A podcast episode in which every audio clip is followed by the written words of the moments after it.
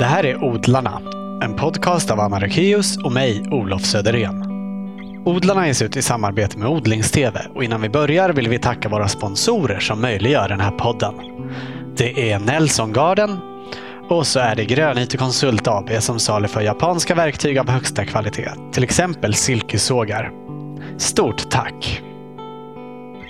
I förra avsnittet kunde du höra Nils Åkerstedt som bara använder gräsklipp som gödsel till sina växter eftersom det innehåller allt plantorna behöver. Men det är ju trots allt rätt många som använder andra typer av gödsel.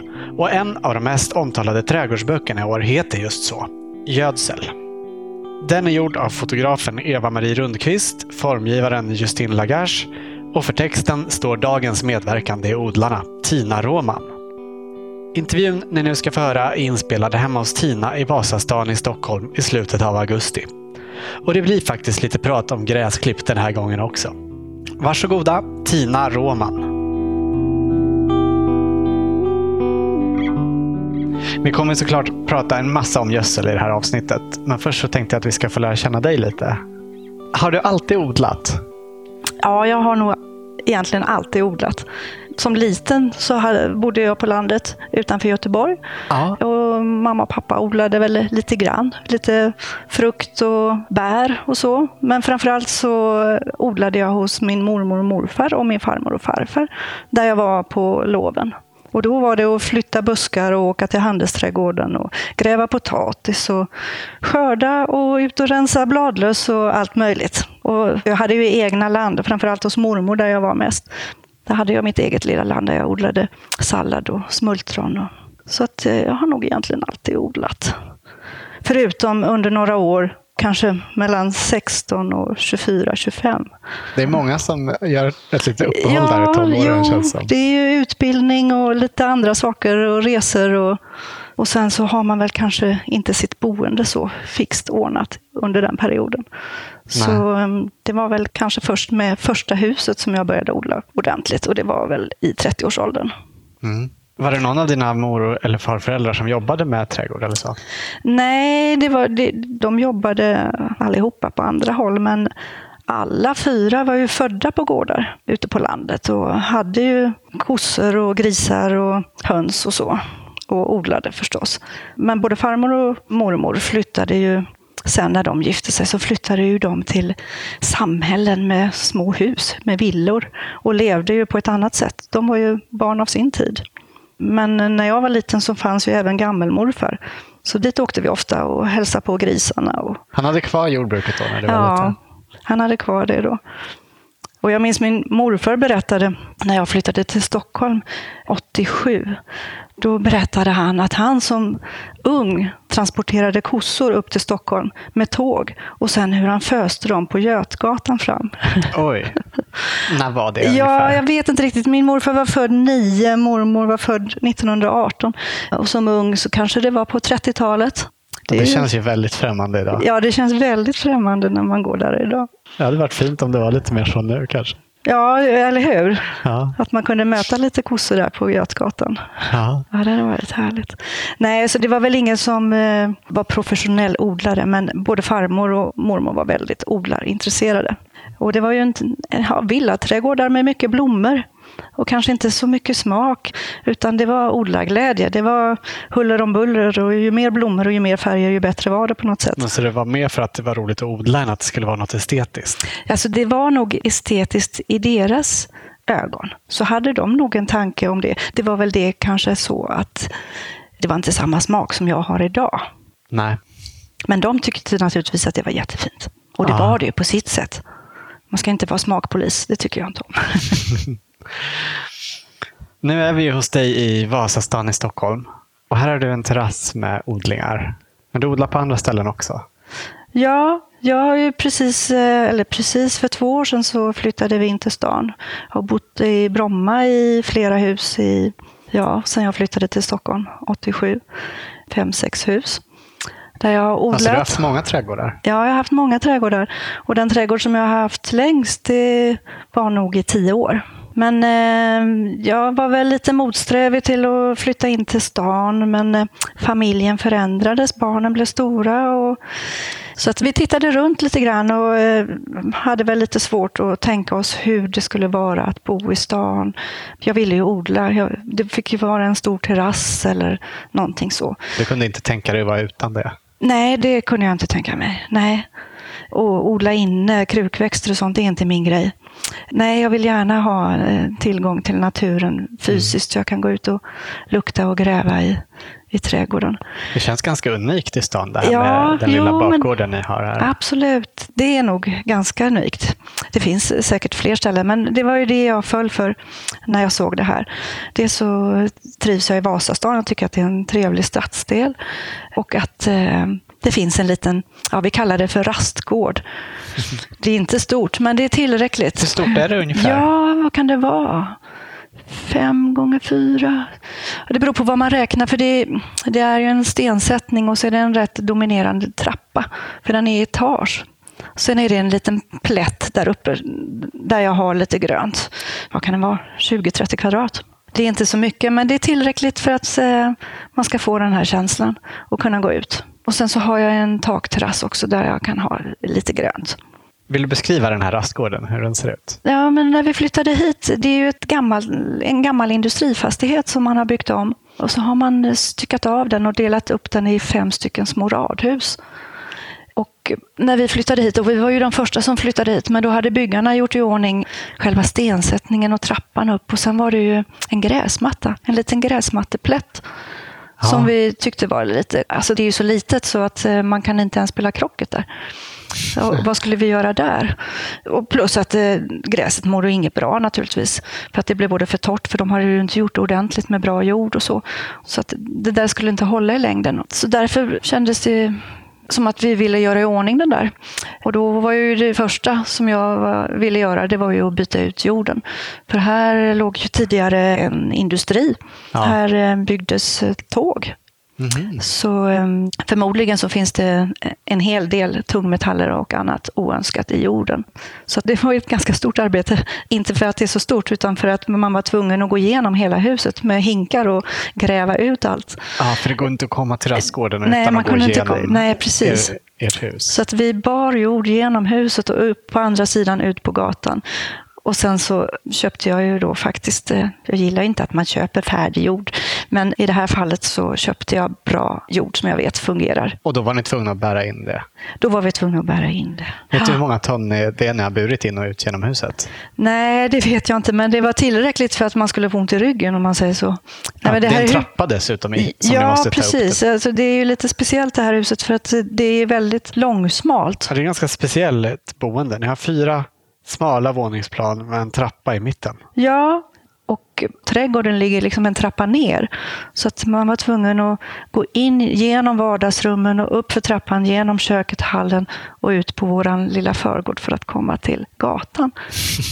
Ja, ja vilket Men, jobb. Ja, det var ett jobb. Men det var väldigt roligt för grannarna de hakade på det här. Så eh, de flesta grannar bytte ut sin jord också. Men det är ju lite speciellt för jag är, jag är ju mest i stan på vintern eftersom jag har eh, sommarställe på Gotland. Så jag är ju där så ofta jag kan och kanske två månader på sommaren. Ja. Så det som var lite speciellt här det var ju att jag ville göra en trädgård som är vacker att se på, på vintern. Jag ville göra en vinterträdgård helt enkelt.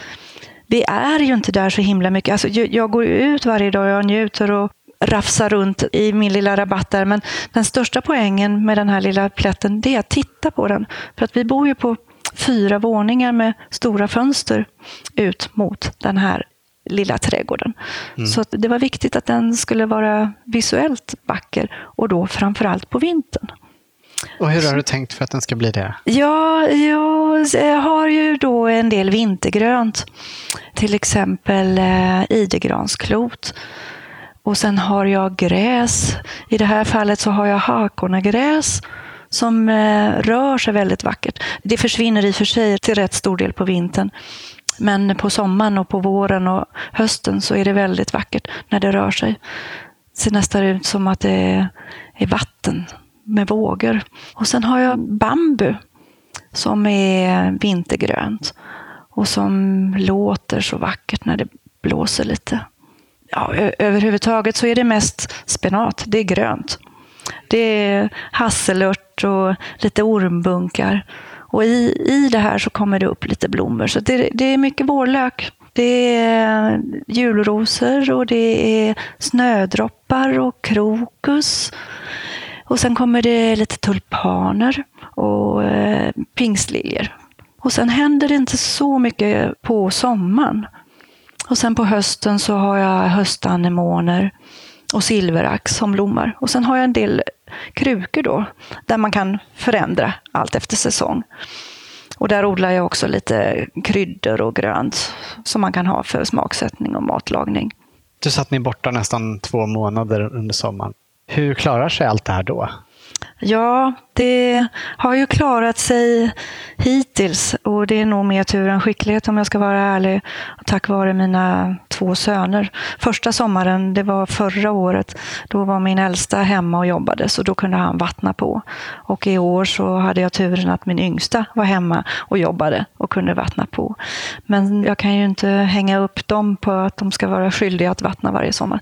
Så jag har funderat på att gräva ner en eh, droppslang helt enkelt med timer. Det har jag också på en del ställen på Gotland. Och det har blivit mycket bättre tycker jag. Jag provade det för flera år sedan och då tyckte jag att det var problem att de här droppslangarna sattes igen med jord och jag litade inte på de här timersen. Men nu har jag testat här på Gotland och det har funkat jättebra. Och eh, även prismässigt så har det väl blivit billigare. Mm. Så det kan jag verkligen rekommendera. Berätta lite mer om trädgården ni har där på Gotland. Ja, det är en vild trädgård. Vi byggde ett hus där för cirka åtta år sedan. Det är strax söder om Visby. 300 meter från havet, 50 meter över havet. Vi ser inte havet tyvärr. Det Nej. ligger skog emellan och även några hus. Men jag känner hur havet doftar och jag hör hur vinden blåser. Så när jag kommer ut på morgonen så brukar jag ställa mig och lyssna. Då hör jag om det blåser nordlig vind, för då kommer ljudet från stenarna. Det, är stenstrand där nere. Och när vågorna ligger på så blir det verkligen Rolling Stones. Man hör. Och blåser det sydligt så kommer ljudet från ett annat håll. Ja, men vi byggde där för åtta år sedan och eh, huset ligger ju då i en, ska man säga, det är, det är inte i skogen och det är inte på en öppen äng utan det är en liten glänta i skogen så kan man säga. Så när vi köpte tomten och jag ritade på huset där så ritade jag in, eh, det var väldigt noga för mig, jag ville inte ha en, en villa en Nej. sommarvilla. Utan jag du ritade ha... huset själv? Ja, jag ritade huset själv faktiskt. Sen hade jag eh, god hjälp av en arkitekt som hjälpte mig med konstruktionsritningar. Men jag visste eh, ganska klart vad jag ville ha. Och jag ville ha en skön sommarvistelse där man kunde njuta av naturen. Så det blev inte ett hus, utan det blev faktiskt tre hus. För att jag tycker det är så härligt när man kan springa barfota i gräset. Ah. Men eh, det är inte så att det finns någon gräsmatta. Jag är ingen vän av gräsmattor faktiskt. Nej. På Gotland det är som fantastisk flora. Så där är faktiskt vildäng. Mm. När jag ritade husen så ritade jag även in lite planteringar närmast husen. Men jag ville gärna ha naturen nära in på knuten. Så har jag försökt att göra mjuka övergångar mot de här planteringarna som är närmast huset, mot det vilda. Till exempel med mycket, jag är, jag är väldigt förtjust i gräs, olika grässorter. Ja, dock inte gräsmattan. Nej, utan höga gräs. Höga gräs som blir någon slags vävarväxt ihop med naturen till det vilda gräset som växer utanför. Ja, och det vilda gräset tar ju sig faktiskt i ärlighetens namn även in i rabatterna, så jag får ut och jaga det med jämna mellanrum. Mm. För när man har en vild trädgård så, som man låter gå i frö så sprider det sig med vinden. Så det gäller att hålla ställningarna där. Och i det här eh, vilda gräset så växer det vildmorot och vildpalsternacka, cikoria. Och på våren när jag kommer så är hela tomten full av blåsipper. Och sen tar Fint. smultronen över. Och så är det lite blåeld. Ja, det är väldigt vackert. Men för att man ska kunna röra sig på tomten så har jag klippt upp gångar. Och sen har jag även klippt upp en liten, liten yta där man kan leka, spela kubb och resa midsommarstången och dansa. Vilket hunden numera är väldigt glad över. För första året där så gjorde vi inte det och han kunde knappt röra sig. När jag kommer där i, på våren, då går gräset upp till öronsnibbarna ungefär. Så då är det att plocka det fram högt, macheten. Ja, Aha. så högt är det. Slår du det då först innan du klipper med gräsklippare? Eller? Ja, när jag kommer på våren och det är så högt, då skickar jag ut någon med röjmaskinen. Så. Och sen är det, för att man ska behålla de här vilda arterna så får man ju slå. Helst ska man slå med lie och göra det kanske två gånger om året. Efter midsommar och någon gång i augusti. Men vi har ju svårt för det, för vi tycker att det är så vackert. Så att det blir en gång i augusti bara. Mm. Men den här tiden som eh, du är där, vad räcker det för att du ska hinna ha några odlingar? Av, har du någon köksträdgård eller sådär? Nej, jag har faktiskt ingen eh, köksträdgård. Numera så odlar jag faktiskt i kruka. Tidigare så har jag odlat i odlingsbäddar och jag har också hållit på mer med matväxter och jag har dragit upp fröer och haft hela huset i stan fullt med fröer som jag sedan har transporterat till Gotland. Men eh, du vet hur det är, det tenderar att bli väldigt många sorter efter ett tag och ja. väldigt många växter som ska åka fram och tillbaks. Och det, nej, jag kände att det där är, det är inte riktigt hållbart. Och sen är det ju så att eh, jag bor granne med eh, världens, eller åtminstone Sveriges finaste gårdar som odlar ekologiskt på ett alldeles förträffligt sätt. Och de har sådana fantastiska grönsaker. Ja. Bland annat så Lilla Bjärs gård, där handlar jag Ja, jag lägger nog eh, halva min semesterkassa hos dem. Just det, och de står de i boken, Jönsel ja, också? Ja, eh, Göran och Margareta. Jag har blivit vän med dem med åren på Gotland. Och Göran har förresten hjälpt mig jättemycket med boken. Han är gammal biologilärare och kan allt Aha. om odling och naturen och ekologisk odling framför allt. Mm. Men de har fantastiska grönsaker där, så det är klart att jag handlar där när jag är där.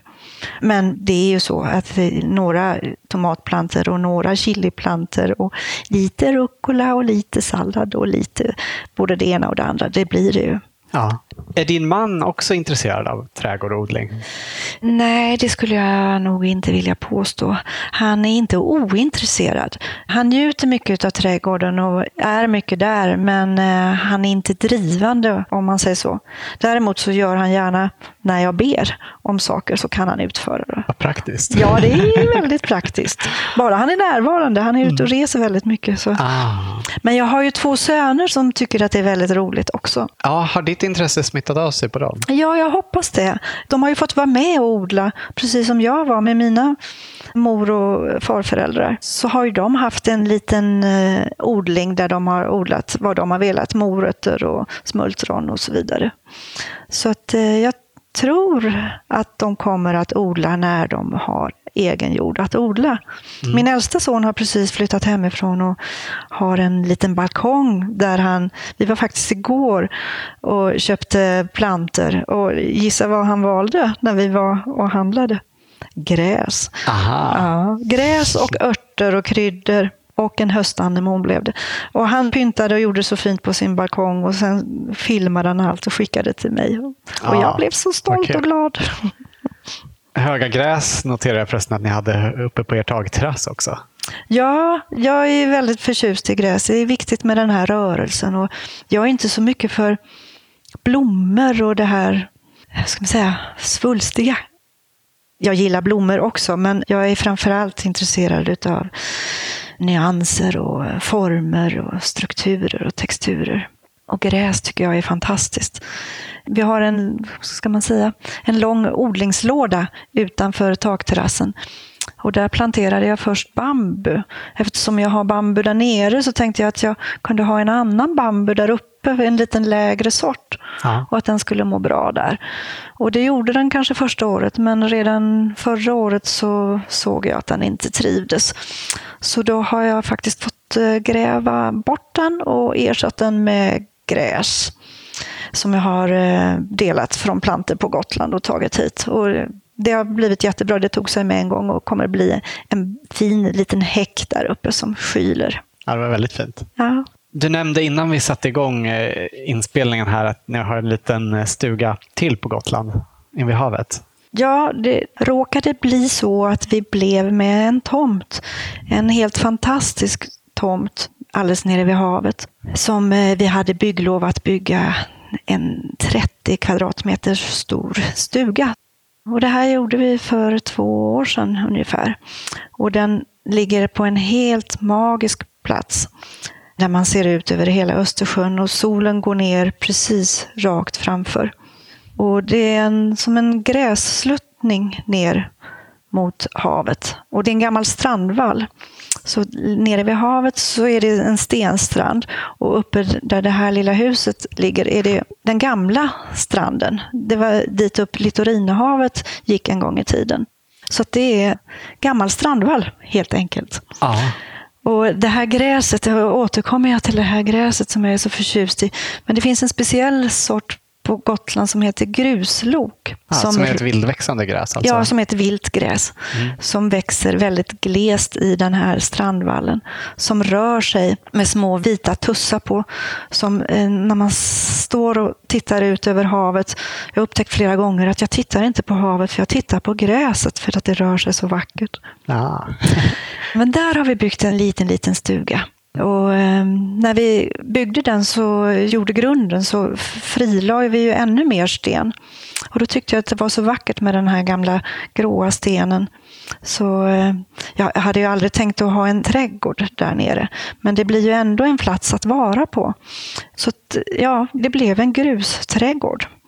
Som mm. jag har ramat in med en lärkhäck som jag planterade här för något år sedan.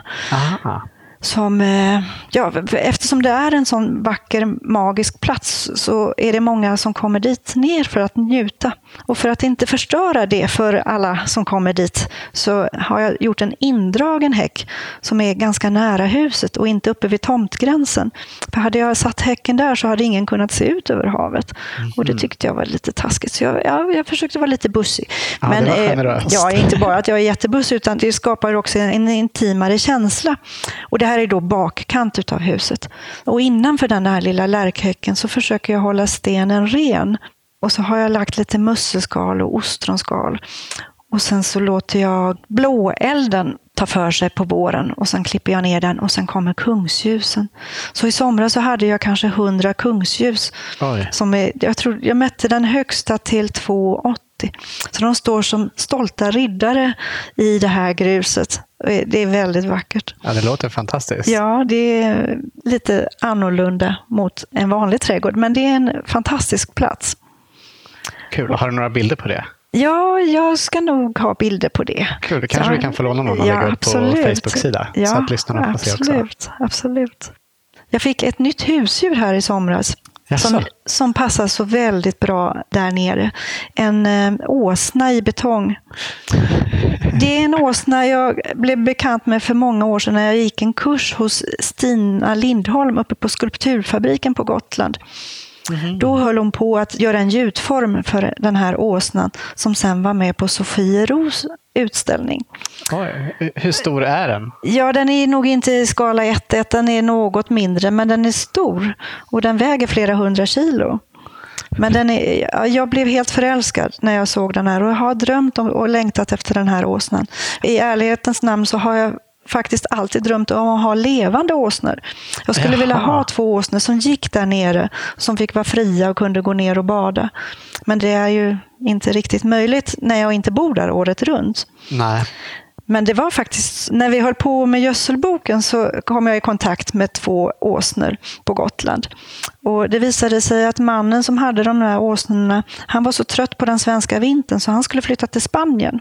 Aha. Och de här åsnorna de var väldigt gamla och jättegoda. Och jag frågade naturligtvis vad han skulle göra med sina åsnor, om jag kunde få ta hand om dem eller köpa dem. Och det skulle jag få. Ja, för de skulle inte få följa med till Spanien? Nej, de skulle inte få följa med till Spanien för det blev för stor apparat. Det lät annars ganska härligt för en gammal ja, åsna att få flytta Ja, dit. eller hur. Men eh, när jag tänkte ett varv till så är det ju inte riktigt eh, praktiskt att ha sommaråsnor. Eller vad skulle jag göra av dem? Eh, det, det, det blev ingen åsna i varje fall. Nej, du kan inte gärna ta dem genom huset in på rastgården här. Nej, jag tror inte att grannarna skulle uppskatta att få skriande åsnor här inne i stan Nej. faktiskt. Men eh, det blev en betongåsna och den är så charmig och så mysig. Den står och tittar ut över havet där nere. Aha. Tack Stina. Vet du hur det gick för de här riktiga åsnorna på Gotland? Ja, jag såg dem faktiskt. De gick kvar här i somras också, två år äldre. Men jag vet inte hur det blev med deras husse, om han flyttade eller inte. Kanske var det en dröm som inte blev verklighet. Ja. Du sa att du haft många olika trädgårdar och det är verkligen en estet. Det syns både i boken och på din trädgård här. Har liksom stilen som du har haft i de här olika trädgårdarna förändrats? Ja, kanske lite grann att man utvecklas med åren. Och i början var det väl lite så, eh, lite huller om buller och eh, en utav varje och eh, få och många olika växter. Idag så har jag blivit lite mer av en finsmakare. Jag vet vad jag, vad jag gillar och jag har lite enklare för att välja bort. Sen är jag ingen stilpolis alls, utan jag gillar många olika typer av trädgårdar. Jag kan tycka att det är fantastiskt med en engelsk eh, blommig trädgård och jag gillar en japansk. Eller jag, jag, jag, jag tycker att det viktigaste är att man lyssnar in eh, platsens själ, som det så vackert heter. Men mm. att man har lite koll på vad är det för biotop, vad är det för typ av hus, när är det byggt, hur ser omgivningen ut?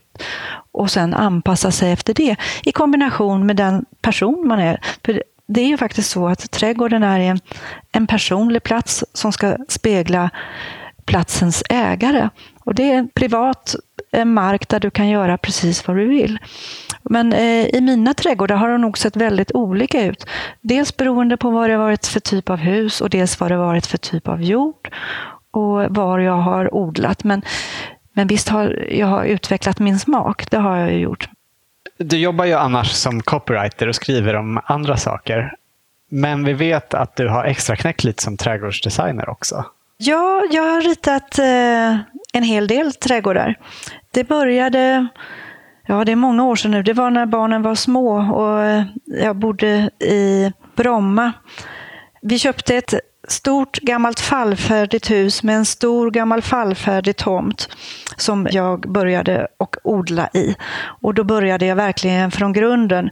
Jag experimenterade med olika slags gödsel och jag gröngödslade och jordförbättrade på alla möjliga sätt. Och det tog sin lilla tid. Men det blev eh, väldigt fint. Och Eh, det var många grannar som uppskattade och såg vad jag gjorde och de började fråga om hjälp och råd. Och det blev mer och mer frågor och mer och mer råd från mig. Och sen var det en, en granne som hade bestämt sig för att göra en totalrenovering av deras trädgård och frågade om jag var intresserad av det. Och jag eh, jobbade ju heltid och jag hade små barn och jag hade ett gammalt hus att sköta och djur och jag höll på med hästar och så. Men det gick ju inte att säga nej till en sån fråga. Det är klart att jag vill. Och då pratade jag med en kompis till mig och frågade om vi skulle göra det här tillsammans. Så då bestämde vi att vi startade ett litet företag, jag och min vän Anna Pettersson Skogsborg. Och vi ritade den här trädgården och vi anlade den. Och det blev väldigt fint. Och den här familjen hade ju många vänner naturligtvis som var där och tyckte att det var så fint i deras trädgård och frågade vem som hade gjort det. Och sen blev det fler och så blev det fler och blev det, det blev ringar på vattnet. Så att eh, vi jobbade ganska mycket, jag och Anna, med att rita trädgårdar. I tio år kanske. Men tyvärr så flyttade Anna utomlands med sin familj. Mm. Och då fortsatte jag lite grann men upptäckte att det inte alls var lika roligt att vara ensam. Nej. Och att det blev betydligt mer jobb, för jag hade ju trots allt ett annat jobb att sköta också. Ja. Så att då började jag faktiskt tacka nej och sen blev det lite färre och färre. Mm. Hur kom det sig sen då att ni gjorde den här boken om gödsel? Det började med, det var inte min idé, det var formgivarens Justins idé. Och hon hade blivit med trädgård och fått ett litet, eller köpt ett litet torp i Sörmland, här utanför Stockholm. Och eh, började intressera sig för odling mer och mer. Och hon kunde ju inte så mycket om odling, men hon begrep ju att gödsel var viktigt. Mm. Men och ni kände varandra sedan tidigare? Vi, vi är kompisar sedan tidigare, absolut. Och hon började ringa mig med frågor och hon undrade om vad hon skulle använda till olika saker. Och hon ringde ganska ofta och till slut så började hon ringa flera gånger om dagen. Och jag sa till henne, men gud hur svårt kan det vara? Du får gå till biblioteket, du får köpa dig någon bok. Och sen ringde hon tillbaka och då hade hon varit på Gnesta bibliotek och varit runt överallt och googlat och hittade inga böcker om gödsel. Nej. Och då sa hon, ja, men vi måste göra en bok om gödsel. Det är klart att folk måste kunna köpa en bok om gödsel. Det är ju jätteviktigt. Jag var väl inte riktigt med på noterna med en gång. För att jag visste gödsel är jätteviktigt. Och jag tycker att det är kul med gödsel. Men det är ju inte sådär jättesexigt om man ska vara ärlig. Alltså det är inte sådär, bland alla lustfyllda saker som finns i en trädgård så är kanske inte gödsel det som står högst på listan. Och om jag nu ska göra en bok, ska den handla om skit? Nej, så jag tackade faktiskt nej till det där. Men Justin, hon var envis och eh, fortsatte och kollade med andra skribenter och trädgårdsmästare och även fotografer. Men fick inte riktigt napp. Det var fler som tänkte som jag. Mm. Och Det var faktiskt så att hon var runt hos förlagen och frågade om de var intresserade av att ge ut en bok om gödsel, men fick nej på alla håll. Och Sen glömde jag väl bort det där ett tag, men sen Justin, alltså envis, ringer tillbaks och berättar att Eva-Maria tackat ja till att fotografera den här boken. Och under den här tiden så har jag naturligtvis gått och funderat på hur man skulle göra en bok om gödsel. För det, det är inte självklart. Nej. Men eh, när jag hörde Eva-Maries namn, Eva-Marie är ju en fantastisk fotograf.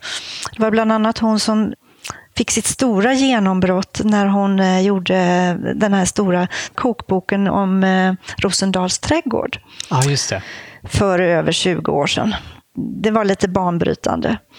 Och när hennes namn och jag såg jag hennes bilder framför mig och, och på något sätt så var det som poletten ramlade ner och jag insåg att Ja, men det ska bli gödselpoesi. Det ska bli, inte för att texten är poesi på något sätt, men bilderna är poesi. Så det är liksom inte bilder på bajs? Det är inte en enda bild på bajs. Och det var Eva-Marie tydlig med att säga från början. Och det, mm. det är jag glad för. Texten är ju också, om inte poetisk, så väldigt fint skriven i alla fall. Ja, tack. Vad roligt att du säger så. Det, som du vet så är ju gödsel är ju mycket kemi. Ja. Och det är inte mitt favoritämne. Och jag, jag tror att många med mig tycker att kemi kan vara lite torrt och trist och tråkigt. Men det är ju ändå viktigt. Så eh, Det var en utmaning för mig att ja, dels hur jag skulle strukturera den här boken, hur jag skulle lägga upp det, vad det skulle handla om helt enkelt. Och, eh, när jag kom på att den skulle få ett bredare upplägg så blev det mer förlåtande och då kunde jag göra lite större utsvävningar. Sen måste jag ju ha med kemin också. Och Det var en annan utmaning att försöka göra det så lättsmält som möjligt så att en nybörjare orkar hänga med, orkar läsa och att någon som kan lite mer och är lite mer intresserad ändå ska få sig något till livs och kanske lära sig någonting utan ja. att tröttna. Så att hitta liksom kunskapsnivån var en utmaning och även vilken ton jag skulle ha i boken. Du sa att alla förlag tackade nej, men det blev ju ändå en bok. Jo, det blev en bok. Justin fick ju nej där, och, men vi tutade och körde. Och mycket tack vare Justin, att hon var pådrivande. Så ni började göra den själva? Ja, vi hade en ganska klar vision vad vi ville med den här boken. Eh, eller den kanske inte var eh, jätteklar från början, men med tiden så blev den klar. Så att eh, vi arbetade fram både bildmaterial och jag skrev och Justin höll på med formgivningen. Och vi gjorde i stort sett en färdig bok. Den var väl kanske till 80 procent färdig. Och sen så presenterade vi för förlagen igen och eh, då visade det sig att samtliga förlag tackade ja. Aha. Och det var ju en eh, trevlig situation. Den är ju väldigt omfattande boken. Hur, hur lång tid tog det att skriva den? Alltså det är så svårt att uppskatta, för jag, vi höll på med det här projektet så länge. Jag tror vi höll på i, eller jag vet att vi höll på i över tre år. Men eh, det var ju ett pussel. Och sen så skrev jag, alltså jag, jag njöt så mycket av att få skriva när jag väl kom igång. För som copywriter så är man ju så hårt tyglad att skriva så kort. Så då kan man jobba hur länge som helst och så resulterar det i en mening eller två. Och här fick jag möjlighet att fullständigt brodera ut och släppa loss. Mm. Så jag njöt så att få skriva du vet, det for iväg väldigt mycket.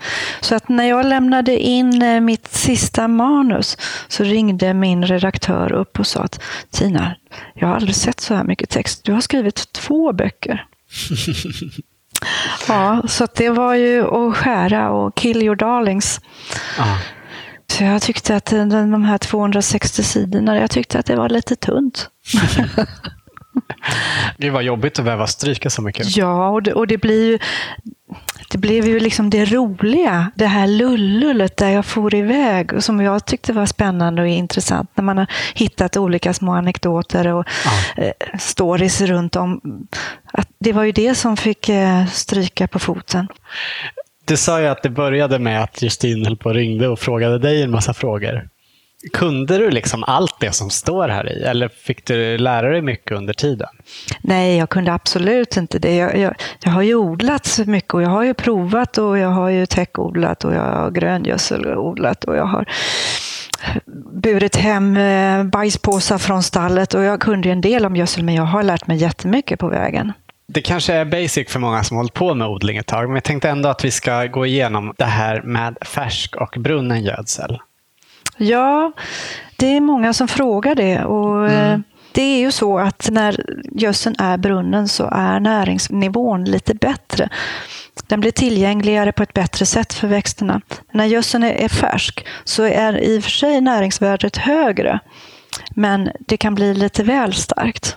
Så att det är bättre att låta gödseln brinna lite och acceptera att det blir lite lägre näringsnivå. Sen är det ju också så att när man har färsk stallgödsel och framförallt från häst då, som jag använder mycket och som jag gillar, så eh, kan, om man inte låter gödseln ligga och brinna så kan du få väldigt mycket ogräs. För att det är ju så att hästens mage inte är lika fiffig som kossans. Kossan har ju flera magar, eller mm. vad man ska kalla det. Det är ju inte flera magar, men flera avdelningar ja. där hon eh, idisslar och bearbetar gödseln. Så att mm. Den bryts ner mer grundligt. Den liksom. bryts mer och är lite... Men eh, om du tittar på hästbajset så kan du ju nästan se havrens korn komma ut där bak. Och gräver du ner det så kan du få väldigt mycket ogräs.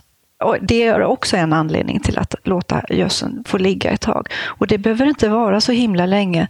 Jag brukar så här på hösten så brukar jag fylla upp en hög med eh, hästgödsel. Eftersom jag har tillgång till hästgödsel så är det jag använder mest som bas att grundgödsla med. Så brukar jag lägga det på en bottenplatta i någon form. För annars är ju risken att det försvinner ner i marken. Och även dra på lite fiberduk eller en presenning eller något annat ovanpå. Mm. Och så får det ligga över vintern och sen använder jag det till våren att gräva ner. Det räcker med den? Ja, tiden. det räcker. Alltså, ju längre tid som går, ju mer uh, fin förmultnad och nedbruten blir den ju. Mm. Men det räcker med ett halvår, det mm. tycker jag. Och sen är det ju så att eh, vissa grönsaker kan ju ta smak av färsk gödsel dessutom. Ja. Stallgödseln kan ju också påverkas beroende på vilket eh, strömaterial man har använt. Mm. Så det kan man vara lite observant på. Om man nu använder från häst, om det är spån eller om det är halm eller torv. Och eh, halm är väl det allra bästa egentligen. Men torv kan man ju vara lite försiktig med eftersom det är en ändlig resurs. Men det är ju många eh, stallägare som använder torv. Och är det så att ditt stall där du har din häst använder torv, så använd det istället för att köra tre mil till ett annat stall. Så kan man ju tänka. Ja, för den torven är ju redan bruten. Ja, den är ju redan bruten. Sen kan man ju såklart försöka påverka stallägaren att byta exakt. material. Ja, exakt. Du sa att eh, häst har den nackdelen att det kan finnas ogräs kvar och sådär. Ja. Eller ogräsfrö. Är det inte att föredra att använda kogödsel istället? Jo, eh, eller föredrar Eller har det andra nackdelar? Nej, alltså jag tycker i stort sett att de är likvärdiga näringsmässigt. Och jag tycker att det finns en poäng i att använda det man har tillgång till. Så att eh, är det så att du har tillgång till fårgödsel, så använd det. Bor du nära eh, en kohage, så visst ut och mocka där eller prata med med kossornas husse och matte om du inte får ta lite grann. De brukar bara vara glada för att bli av med det där. Mm. Men sen kan man ju alltid, om man nu hittar gödsel på, på ett bra ställe, så kan man ju fråga så att de inte medicinerar. För det är precis som att jag inte vill ha gammal, odla i gammal industrimark så vill jag inte att gödseln ska innehålla massa hormoner eller avmaskningsmedel. Men hästgödsel hittar man ju sällan på påse i, i affären, utan det är ju oftast kogödsel som finns där. Mm. Och där tycker jag att man kan läsa lite noga på de där påsarna. Jag har ingen sån tydlig rekommendation att ge, för att jag har upptäckt att de förändrar det hela tiden, vad de innehåller, de här påsarna.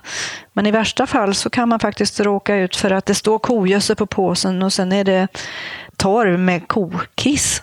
Aha. och att det då kallas för kogödsel.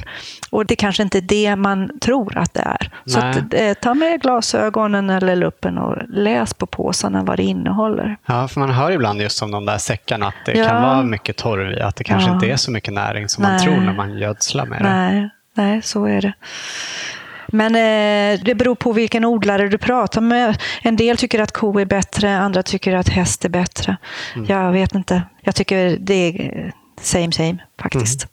Du har ju varit inne på det just att kemin är lite tråkig och kanske lite knepig. Vad är det viktigaste att tänka på just för att man ska få en bra balans av kemiska ämnen i jorden? Jag, jag, tror att det är bra att du tänker på att du gödslar varje år. Att du startar på våren när jorden reder sig med att grundgödsla. Och då eh, tycker jag det är lämpligt att använda kompost och stallgödsel. Och vad stallgödslet består av, om det är ko eller häst, det spelar inte så stor roll, eller får. Och så gör du en, en, god grundgödsling. Och så kan det vara så att du kanske tillför lite stenmjöl ett år. Nästa år kanske du tar en liten näve algomin. Och så varierar du. Men, men låt grunden bestå av kompost och stallgödsel. Sen efter ett tag på våren, då brukar jag skjuta till lite extra kväve. Kanske en näve hönsgödsel till exempel. Men jag tror det viktigaste, och det är många som inte är så erfarna odlare, de glömmer sen att stödgödsla. För det är ju så att näringen tar slut. Och framförallt kväve som är lite mer flyktigt och som växterna behöver i större mängd när de växer på våren. Så kväve under tillväxtfasen på våren är jätteviktigt. Och det kan man fortsätta med ända, ja, beroende på vad du odlar. Men odlar du sånt som ska skördas under samma år så behöver de ju näring hela tiden. Mm, alltså ettåriga växter? Ja, och det du odlar är sommarblommor i kruka och grönsaker som du ska skörda. Så där får du ju fortsätta under hela deras levnadsfas att gödsla. Medan däremot växter som ska gå i vintervila, perenner och träd och buskar och så, de behöver avmogna för att klara vintern så bra som möjligt. Så att där ska man gödsla fram till mitten på sommaren ungefär. Så en bra grundgödsling på våren och så kanske en, två stödgödslingar under sommaren, beroende på vad det är. Mm. Sen är det ju så, har du gamla uppvuxna träd och buskar så kanske det räcker att gödsla vartannat år. De kräver inte lika mycket som om du har nyplanterade, säg att du har en nyplanterad häck som växer och du vill att den ska växa snabbt, då får du gödsla därefter. Ibland pratas det om att man ska gödsla på olika sätt eller vid olika tidpunkter beroende på vilken slags jord man har. Vad säger du om det? Ja, det är ju så att eh, ju större korn jorden har, desto snabbare försvinner gödseln och även vattnet. Så att en lera innehåller ofta mer näring och behöver alltså gödslas mindre. Det är sällan det är brist på kalium i en sån jord. Medan kväve behöver alla jordar. Sandjorden behöver också allt. Och med sandjorden så kan man tänka på att eh, kanske dela upp eh, även eh, grundgödslingen på flera tillfällen eftersom den annars riskerar att dräneras ut. Så där kan man gödsla oftare. Vi var i somras här och intervjuade Nils Åkerstedt som ah. Eh, har ett sätt att odla där han inte använder sig av jord alls, utan han odlar i sand. Och gräsklipp. Och, och, precis, och bara ah. gräsklipp ja, det är fantastiskt. Jag vet att han har en liten ruta någonstans ja, men i Jag har ju läst om honom i alla år och följt hans, och jag har testat själv med gott resultat. Ja, jämfört med alla andra sätt att gödsla som du tar upp i den här boken. Vet du någonting om... Alltså jag använder gräsklipp jättemycket. Jag tycker det är fantastiskt. Jättebra växtnäring, verkligen. kan jag rekommendera. Mm. Det var väl det enda som var tråkigt med att ta bort den här eh, gräs, så kallade gräsmattan vi hade i huset här i stan när vi flyttade hit. Nu har jag ju ingen, jag har ju inte tillgång till gräs. Men jag bor ju jättenära Vasaparken här och jag är ute och går med min hund flera gånger om dagen. Mm. Så då är det bara att stoppa ner kökssaxen i jackfickan och så fyller jag en hundbajspåse med lite gräsklipp och så ah. räcker det till en kruka ungefär. Perfekt. Ja. Du har ju som sagt både en trädgård på Gotland och en massa odlingar i krukor här på din terrass. Är det ungefär samma tänk med hur du gödslar? Ja, det borde vara det. Sen är det ju så att eh, när jag inte är här på sommaren så kan jag ju inte begära så mycket av den som tar hand om vattningen att den ska behöva gödsla också. Så då kan jag ju faktiskt gödsla upp lite extra innan jag åker. Men sen, eh, mina barn har ju lärt sig att kiss går utmärkt. Och det kan vara lite roligt om man har mindre barn att få kissa i en vattenkanna. Mm. Vi ska återkomma till det där med kisset lite längre fram. Ja, det är intressant. Mm. Först tänkte jag att vi ska gå in lite på det här med konstgödsel. Ja. När våra medverkande får den frågan i det här programmet brukar nästan alla svara att de inte använder konstgödsel. Och du skriver i boken att du inte heller gör det. Nej, man, man kan ju faktiskt undra vem använder alla de där påsarna ja. som står på hyllorna. Någon måste ju göra det. Ja, vi har nog egentligen aldrig gått in särskilt mycket på vilka nackdelarna med det är. Många av våra lyssnare har säkert redan koll på det, men för de som inte vet, vill du berätta? Jo, konstgödsel, mineralgödsel, handelsgödsel. Det är eh, olika ord för samma sak. Det är alltså gödsel som tillverkas på konstgjord väg.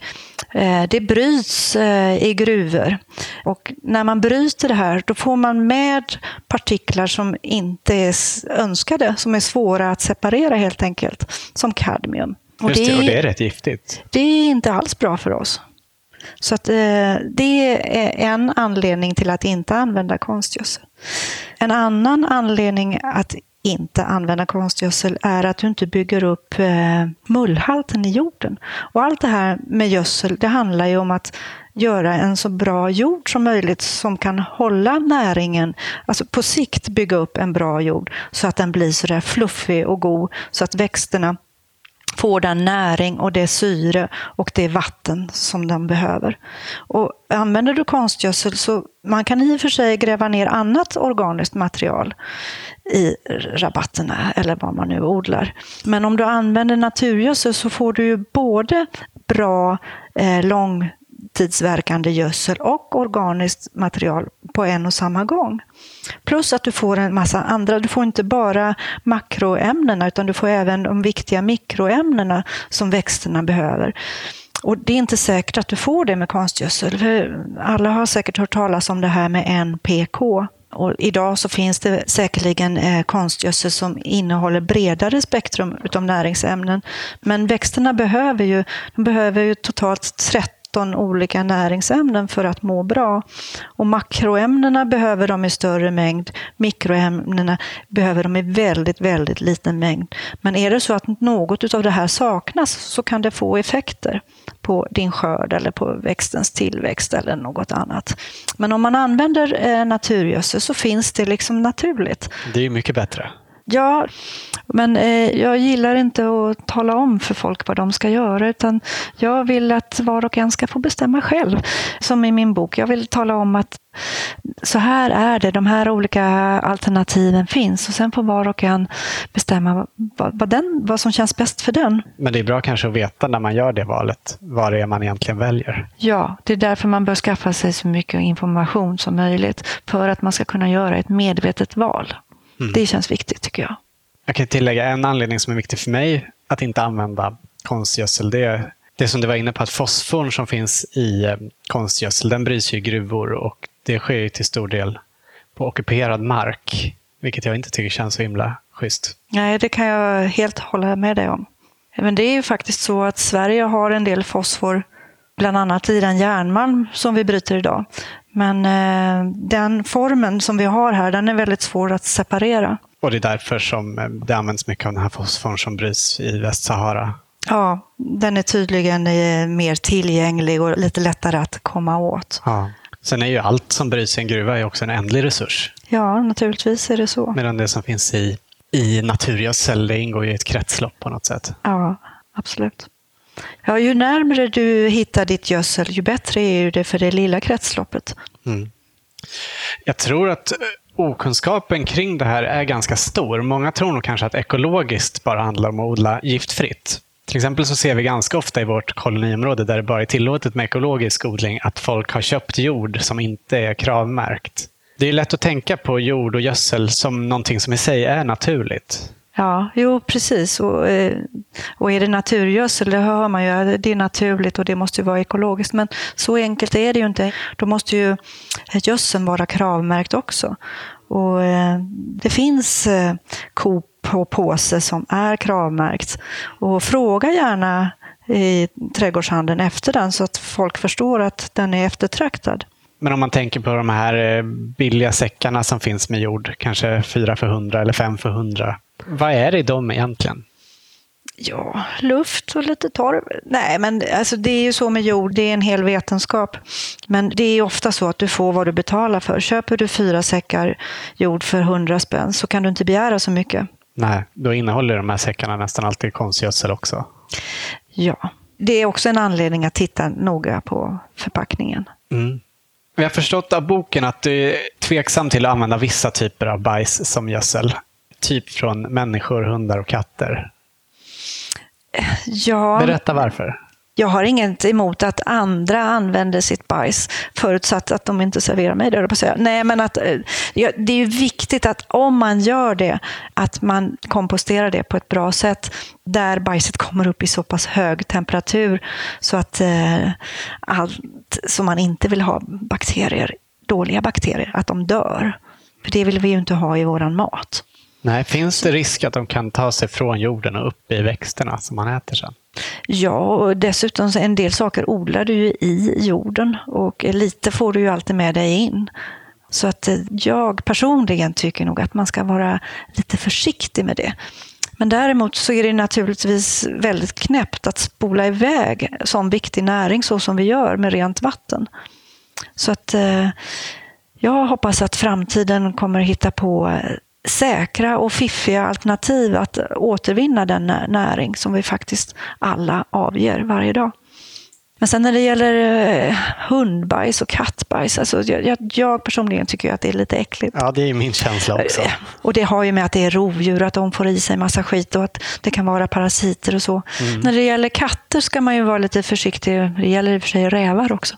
De eh, kan ju ha en smitta som heter toxoplasmos och det är inget bra. Det kan bland annat leda till fosterskador. Så det är väldigt viktigt att man, om man nu använder katt och hund skit. Att man ser till att eh, komposten kommer upp i minst 50 grader. Och det, det kan ju vara lite svårt att ha koll på det. Men eh, om man ska använda det så får man vara ganska säker på, på den saken tycker jag. Mm. Du var ju inne på det här med Kiss, ja. att använda guldvatten själv. Ja. Finns det några risker med det? Nej, det finns väl inga risker med det förutsatt att eh, det är friska personer och att man själv tycker att det är okej. Okay. Jag vet att folk har olika inställning till att använda Kiss. Många tycker att det är jätteäckligt och det tyckte jag också. Jag tyckte det var jätteäckligt. Jag tror att jag började med Kiss för 20 år sedan och då kom jag i kontakt med Åke Troedsson tomatkungen. Och hans eh, gödseltips det var att använda guldvatten till tomaterna. Och jag tyckte det lät som jag skulle äta tomatkiss. Jag tyckte det var jätteäckligt. Men eh, jag trodde ju ändå på honom. Så eh, min väg till att börja använda kiss, det var att använda, mina barn var små då, det var att använda barnens kiss. På något sätt, så rent mentalt, så bara kändes det som att det var fräschare. Mm. Eh, och när man har börjat med det så kan man sen tänja på gränserna. Så nu tycker jag att det är okej, okay, både ja, med hela familjens kiss. Ja. Ja. Men är det så att man äter mediciner och så, så vill jag helst inte ha och gödsla med penicillin Nej. eller hormoner. Så. För man vet också att många läkemedel bryts inte ner i kroppen utan de kommer ut de i samma form ut. som man åt dem. Ja. Hur ser den perfekta blandningen av guldvatten ut enligt dig? Ja, enligt mig, alltså, det finns lite olika recept, men mitt recept är en på nio. Alltså om du får en, en liter guldvatten så tar du en deciliter kiss och så fyller du upp med rent vatten. Så får du en liter. Det använder jag ute i trädgården. Nu odlar jag inte så mycket krukväxter och så, men det funkar ju naturligtvis lika bra som växtnäring inomhus. Och då kan man ju, oftast så vattnar man lite oftare än vad man gör ute, så då kan man späda det mer. Så då kanske man har en deciliter kiss till två liter vatten. En på 19 alltså. För då luktar det mindre också. Mm. Det här med att det är viktigt att gödsla, är det någonting som du alltid haft med dig eller finns det något särskilt ögonblick då du kom till insikt med hur viktigt det är? Nej, jag har nog fått med mig det redan som liten. När jag var med mormor och morfar ute i trädgården. Och på den tiden så var det ju Ja, det var ju andra tider och då var det ju konstgödsel som gällde. Och mormor och morfar var ju moderna människor med färg-tv och så. Så att det var ju blockorn som eh, kom hem där i säck och eh, vi körde runt med på någon liten vagn. Och eh, min morfar var ju en väldigt klok man och nära naturen och djuren. Och, men han begrep väl inte bättre, för det var väl ingen som gjorde, utan det var så det var. Det var modernt och det, en modern människa eh, gödslade på det sättet. Men att använda gödsel, det har jag ju väl alltid begripit. Men för många år sedan, för ja, 20 år sedan när barnen var små och när jag hade fått det här gamla huset med den här förfallna trädgården och höll på att restaurera det. Så eh, under den perioden så red jag väldigt mycket, så då var jag i stallet varje morgon. Jag hade två hästar jag red. Så jag började med att mocka och så red jag och sen belönade jag hästarna med Ja, den ena hästen ville faktiskt ha banan, men den andra han ville ha äpplen och morötter. Och äpplen hade jag hemma i trädgården på ett gammalt träd, men morötterna det köpte jag. Och sen så eh, på vägen hem så åkte jag förbi en handelsträdgård och så köpte jag jordförbättringsmedel så jag kunde fortsätta i trädgården hemma. Och det var ju torv och barkmull och gödsel på påse som jag bar hem. Och sen fortsatte jag att gräva och slet. Och sen så efter ett tag så började jag fundera på liksom, vad, vad håller jag på med egentligen? Det här är ju helt galet. så det, ja, då kom jag på att det, det, det, här är inte smart. Så då började jag mocka direkt ner i stora sopsäckar och så tog jag hem det. Och så blev det ett kretslopp. Så byggde jag upp min fina jord där och så odlade jag morötterna naturligtvis. Och så kunde jag belöna hästen med egna morötter. Och så fick jag den där fina, fina jorden av hans gödsel. Till sist innan vi slutar så skulle vi gärna vilja höra ditt bästa odlingstips. Ja, att gödsla. och att fortsätta att gödsla. Ja, men det är ju otroligt vilken skillnad det gör. Tack så jättemycket för att du tog dig tid och för att du ville vara med. Tack själv. Det har varit jätteroligt att ha er här.